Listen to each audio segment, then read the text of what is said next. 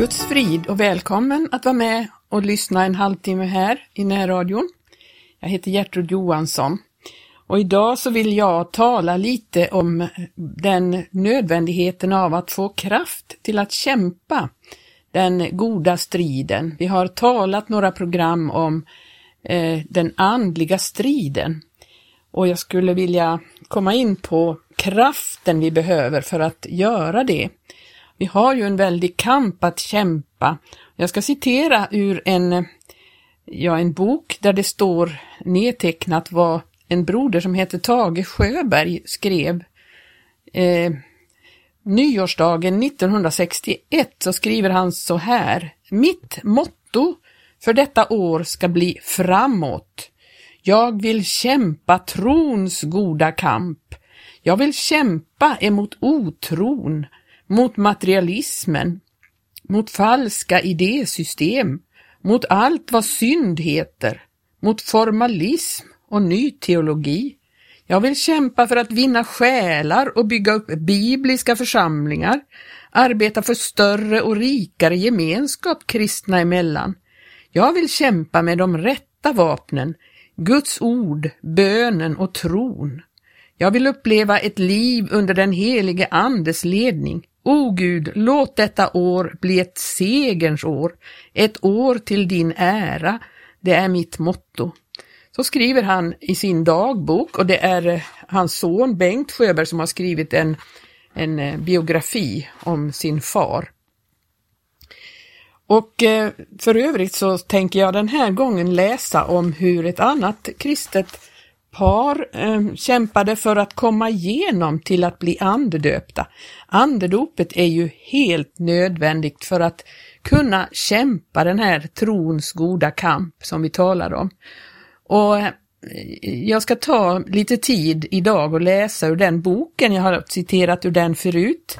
Den heter Ett lyckligt liv av Rolf och Lina Biström. Och där ska jag läsa om ett kapitel som heter Guds kraft. Och vi börjar där. Jag hade inte förr lagt märke till hur mycket det står om Guds kraft i Bibeln. Det står om Jesus att folket häpnade över hans förkunnelse, ty han förkunnade sin lära för dem med makt och myndighet och icke så som deras skriftlärde. Jag häpnade också första gången jag hörde en vanlig arbetare utan någon teologisk utbildning i Andens kraft förkunna försoningens hemlighet. Det var en blixtrande klar framställning, men det ljus som strålade fram från mannens ansikte kom inte från hjärnans mångåriga sysslande med teologiska problem, utan från hjärtats upplevelse av Guds kraft. Ännu mer gripen blev jag när jag såg hur denna kraft hade förvandlat en fattig enkel fiskareflicka till ett brinnande vittne, som av Gud hade fått Kinas nöd lagd på sitt hjärta. Hennes enkla berättelse och hennes person var ett levande vittnesbörd om denna kraft. Ödmjuk och saktmodig gick hon stilla sin väg i tro, tills hon en dag var i det land Gud hade kallat henne till. När jag hörde henne bedja till Gud i min systers hem så kände jag mig liten. Den lilla varelsen fylldes märkbart av en gudomlig kraft som strålade ut från henne. Jag kände mig vara på helig mark. Hon sjöng i anden så vackert att tårarna bara strömmade. Det språk hon talade i tungor var fonetiskt mycket vackert. Sen uttydde hon sin sång på norska. Hon hade bara ett mål i livet, att komma till det land Gud hade kallat henne till för att vinna själar för Guds rike. Jag mötte denna kraft både i Bibeln och i människor omkring mig och jag kände mig fattig. Jag visste att jag gick med Jesus så som lärjungarna. Jag älskade honom och ville lyda honom, men den eld som föll på pingstdagen hade jag inte. Jag trodde på Jesu försoning, jag visste att jag var frälst och jag trodde på under, men jag hade inte den kraft som flödade över i mitt liv. Ofta var det inte mer än nätt och jämnt att Lina och jag höll huvudet över vattnet. Och om den ene kom sig upp åkte den andra ner och så gick kraften åt till att hjälpa varandra. Det var härligt att vi kunde det, men Gud ville något mera med våra liv. Skrattande jämförde vi oss med pedalerna på en cykel. När den ene var uppe var den andra nere och så fortsatte det.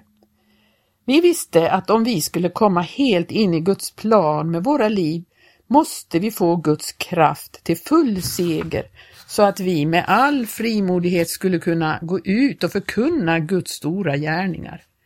Vi bad och läste och gjorde som Jesus bjöd lärjungarna före sin himmelsfärd. Lämna icke Jerusalem utan förbida där vad Fadern har utlovat, det varom ni har hört av mig.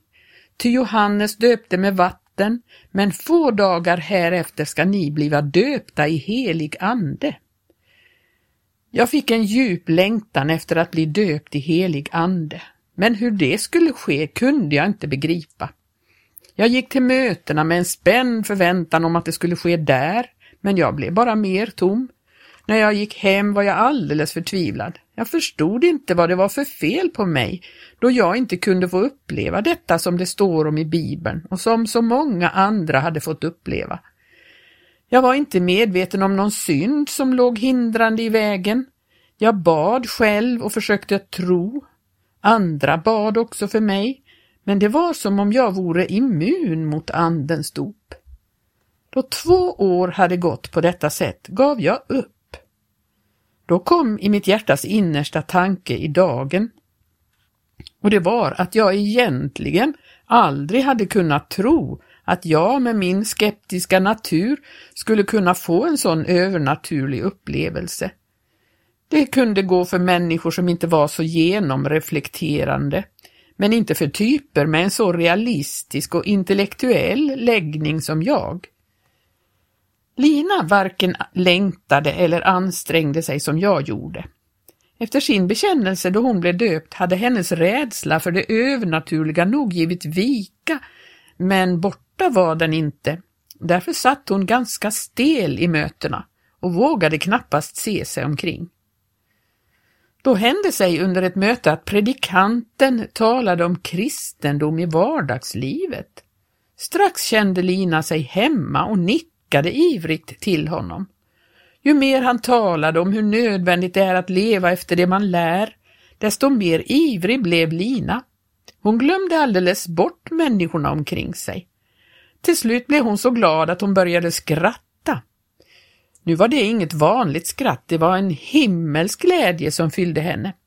Hon kände också hur tungan började att forma nya ord. Men det kom hon att tänka på först efteråt. Det var så gripande och heligt att jag inte vågade se på henne. Mer och mer befriad blev hon och allt högre skrattade hon. Till slut satt hon med hatten i nacken och skrattade och jublade så det hördes över hela lokalen och predikanten kunde knappast fortsätta att tala. Men människorna runt omkring tackade och prisade Gud. Och detta var den rädda, stela Lina som var så ängslig för att väcka uppseende. Hon ville helst att vi skulle bedja hemma i frid och stillhet. Hon tyckte det var förfärligt att hon hade ställt till med en sån offentlig skandal. Men jag tänkte, ack om det bara hade varit jag. En kväll då vi bad hemma i vårt lilla kök var det precis som om hon skulle ha fått en elektrisk stöt i huvudet. Det gick tvärs igenom henne och jag fick också min del. Den fruktan som alltid hade legat djupt i hennes hjärta och bundit henne steg nu helt upp till ytan. Jag blev först förtvivlad och sade nu då Gud vill lösa dig helt och blir du rädd. Men då jag förstod hur djupt rotad denna fruktan var och vilken hemsk makt den var i hennes liv var det min tur att bli rädd. Den moderna psykologin har mycket att säga om fruktans makt i människans liv. Det går inte att få bort den med logik och förnuftigt resonemang. Hur civiliserad den moderna människan än är så sitter det ofta ett barn som fruktar mörkret inne i hennes hjärta. Jag gick bort till henne och tog hennes huvud i mina händer och bad för henne som för ett skrämt barn. Då blev hon lugn och fylldes av en stor stilla frid. Det blev plötsligt klart för henne att denna fruktan var inte från Gud. Tvärtom. Jesus var ju kärlek och frid och det var inget att frukta för. När hon hade tänkt på andedop hade hon blivit förlamad av rädsla, men nu öppnade hon sitt hjärta för Jesu gode helige ande. Och när hon kände hans underbara frid och kärlek fylldes hon av glädje och tacksamhet. Hon var så lycklig att hon måste sjunga. Vi satte oss bredvid varandra och sjöng en sång. När vi hade sjungit knäppte hon sina händer och började tacka. Hon hade inte sagt många ord på norska förrän hon gick över till ett helt annat, främmande språk. Rösten och tonhöjden var densamma. Jag såg på henne att hon inte märkte att hon talade ett annat språk.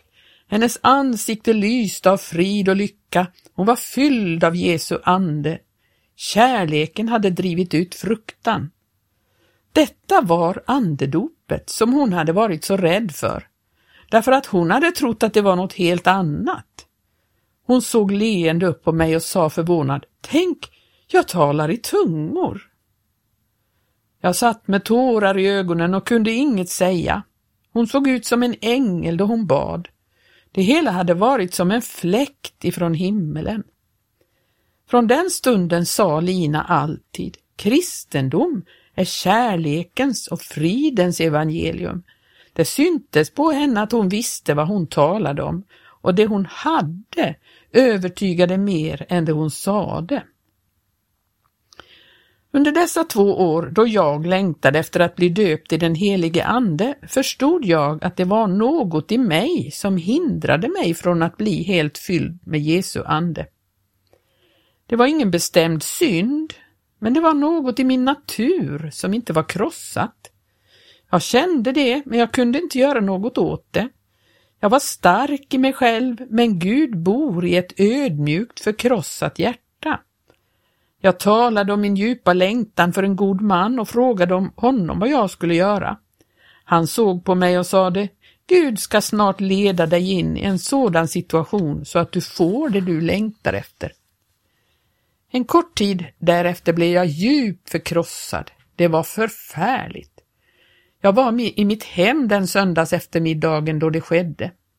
När jag blev ensam kom Lina in. Hon såg att jag var hjälplös och förstod att jag skulle gå under på denna lidandets väg om inte Gud gav mig kraft. Hon tog mig i handen, reste mig upp och sa, du får inte stanna här, du måste gå vidare. Och så ledde hon mig ut i köket. Där böjde vi knä. Mina krafter var borta. Min starka natur var krossad. Det blödde i mitt hjärta som från ett öppet sår. Men jag hade inga reaktioner mot någon, ingen bitterhet, inget hat. Jag visste att det var Guds svärd som hade trängt in i mitt hjärta för att ge mitt eget stora jag dödsstöten. Då knäppte jag mina händer och sa stilla, Tack käre Gud för att jag i alla fall är frälst. Då kände jag en underlig ström genom huvudet och ryggen. Jag visste inte vad det var och skulle just säga det till Lina, men jag hann inte mer än säga ett par ord så kom strömmen åter med våldsam kraft. Den fyllde hela min varelse och nu fanns det inget som hindrade den. Tid och rum försvann för mig. Jag badade i himmelskt ljus och mitt hjärta höll på att sprängas av överjordisk glädje. Detta underbara ljus strömmade ut från öster som när solen går upp, men den ljuskälla jag såg var Jesus. Jag kunde inte stå på mina fötter utan föll ner med ansiktet mot golvet i absolut tillbedjan av herrars herre och konungars konung. Då märkte jag att runt omkring mig så långt ögat kunde nå låg vitklädda varelser och tillbad. Det var vita och svarta, gula och bruna från alla folk och stammar och jag fick vara med. Jag var så överlycklig att jag inte visste hur jag skulle kunna ge uttryck för min tacksamhet och lovprisning. Det bara strömmade ut från mitt hjärta. Då jag småningom blev medveten om vad jag gjorde böjde jag mig upp och ner med pannan mot köksgolvet och prisade Gud jag talade ett främmande språk men det var så naturligt att jag inte tänkte på det. Jag var bara fylld av en tanke. Jesus är konung. Jesus sitter på tronen. Jesus har segrat. Borta var lidande och död, borta var smälek och skam. Jag såg den uppståndne i all hans härlighet. Det var som om slöjan som hade dolt denna himmelska verklighet för min syn hade brustit och jag fick se in i det som verkligen skedde i världen. Jag blev lyft upp ur den, denna värld, ur krigets, våldets, hatets och hämndens atmosfär in i försoningens, fridens och glädjens eviga rike. Det var detta som skedde då jag blev andedöpt. Jag fick se Guds plan och centrum i den. Jesus Kristus. Allt annat i världen blev betydelselöst för mig. Glädjen som fyllde mig var så stor att jag ibland fick hålla handen för munnen för att inte ropa högt när jag cyklade på gatan. Jag kunde inte läsa en tidning, bara Bibeln. Men det lyste som eld från dess blad. Det var mycket egendomligt att uppleva denna klarhet i Guds ord. Guds ande öppnade skrifterna för mig på ett nytt sätt. Hade Lina och jag haft gemenskap förut så fick vi det mycket mera nu. Vi smälte fullkomligt ihop i anden. Hennes självmedlidande blev helt borta. Vi blev fyllda av en sund och sann optimism. Vi fick tro på kärlekens seger mitt i en värld som såg ut att gå under i hat. Vi kände oss till och med föryngrade till kroppen av Guds kraft. Vi fick detta gudomliga kraftöverskott som vi förut hade saknat. Andedopet var inte bara en upplevelse, det blev ett varaktigt tillflöde av kraft som hindrade oss från att torka in och stelna i rutinmässig kristendom.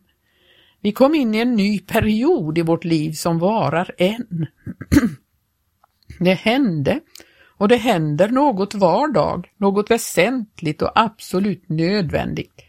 Vi får möta Gud var dag. Minst 3000 gånger har vi fått göra den samma upplevelsen av Gud och lika förnyande är det var gång. Vi har blivit förvandlade både innan och utan genom Guds kraft och denna process måste fortgå så länge vi lever i denna värld. De förstörande krafterna slutar aldrig sitt verk. Men Guds kraft segrar över dem och skapar liv mitt i förödelsen. Detta är det eviga livet, sa Jesus, att ni tror på mig. Jesus sa också, den som tror på mig, av hans innersta ska strömmar av levande vatten flyta fram, så som skriften säger. Detta sade han om anden, vilken det som trodde på honom skulle undfå. Ty ande var då ännu icke given, eftersom Jesus ännu icke hade blivit förhärligad. Då vi blev döpta i den helige Ande fick vi en levande tro på att Jesus lever. Det var en mystisk tro som vi inte kunde ta åt oss eller arbeta oss till, vi blev helt enkelt fyllda av hans uppståndelsekraft, av Jesus själv. Petrus talar om att bli delaktig av gudomlig natur i kraft av Guds stora löften. Det är något vida mer än tro. I många år försökte jag tvinga mig till att tro på Jesu uppståndelse, men då den helige Ande fyllde mig behövdes inget tvång då kom Jesus själv in i mitt hjärta och han talar om att han lever både för mig och för andra. Så långt var det kapitlet utav eh, Rolf och Lina Wiström i deras bok Ett lyckligt liv. Det här talar om deras upplevelse av att bli andedöpta. Och det är ju så nödvändigt att vi blir andedöpta, som vi redan har hört i denna bok citeras en del bibelord, så har vi ju många sådana. Jesus själv sa ju till sina lärjungar, alldeles innan han for upp till himmelen, så sa han, eh, vi kan läsa i Lukas 24, så säger han att ni kan vittna härom, säger han, om, om detta som om Jesus själv, om livet i honom. Ni kan vittna, här han i vers 48, Och i 49, och se, jag vill sända till er vad min fader har utlovat, men ni ska stanna kvar här i staden till dess ni från höjden blir beklädda med kraft. Vi behöver bli beklädda med kraft. Det är helt nödvändigt att vi får bli det. I Apostlagärningarna 1 så står det ju så här, när, eh, innan han far upp till himmelen så säger han, då frågar de eh, lärjungarna honom, ska du nu i denna tid upprätta igen riket åt Israel? Och då säger han, det tillkommer inte er att få veta tider eller stunder som Fadern i sin makt har fastställt, men, säger han i åttonde versen, när den helige Ande kommer över er ska ni undfå kraft och bli mina vittnen, både i Jerusalem och i hela Judeen och Samarien och sedan in till jordens ända. Och det är så viktigt att, att eh, vi tar emot den här kraften och att vi fattar det, att vi måste bli eh, uppfyllda av den helige Ande. I Apostlagärningarna 2 så står det om det här i fjärde versen, att de blev alla uppfyllda av helig Ande och började tala andra tungomål eftersom Anden ingav dem att tala. Och vad hände med de som hörde det? I sjunde versen står det att de uppfylldes av häpnad. Ja, och det står i tolfte versen också, de uppfylldes av häpnad. De lärjungarna blev uppfyllda av Guds ande, men andra människor blev uppfyllda av häpnad. De fattade att det här är någonting som vi aldrig har varit med om förr. Och i 16 versen, att där står det här, uppfylls det som är sagt genom profeten Joel. Och så står det om vad som skulle hända när den helige ande kommer. Nästa gång ska vi tala lite mer om det här att vara uppfylld av Guds ande och få kraft till att kämpa den goda striden. Vi hinner inte mer idag, men Gud välsigne dig och sök Guds ande, sök bli andedöpt. Det är så viktigt för det är ett löfte vi har. Eder gäller löftet och era barn och jämväl alla de som är i fjärran, så många som Herren vår Gud kallar, står det i 39 versen. Gud välsigne dig så hörs vi igen om en vecka.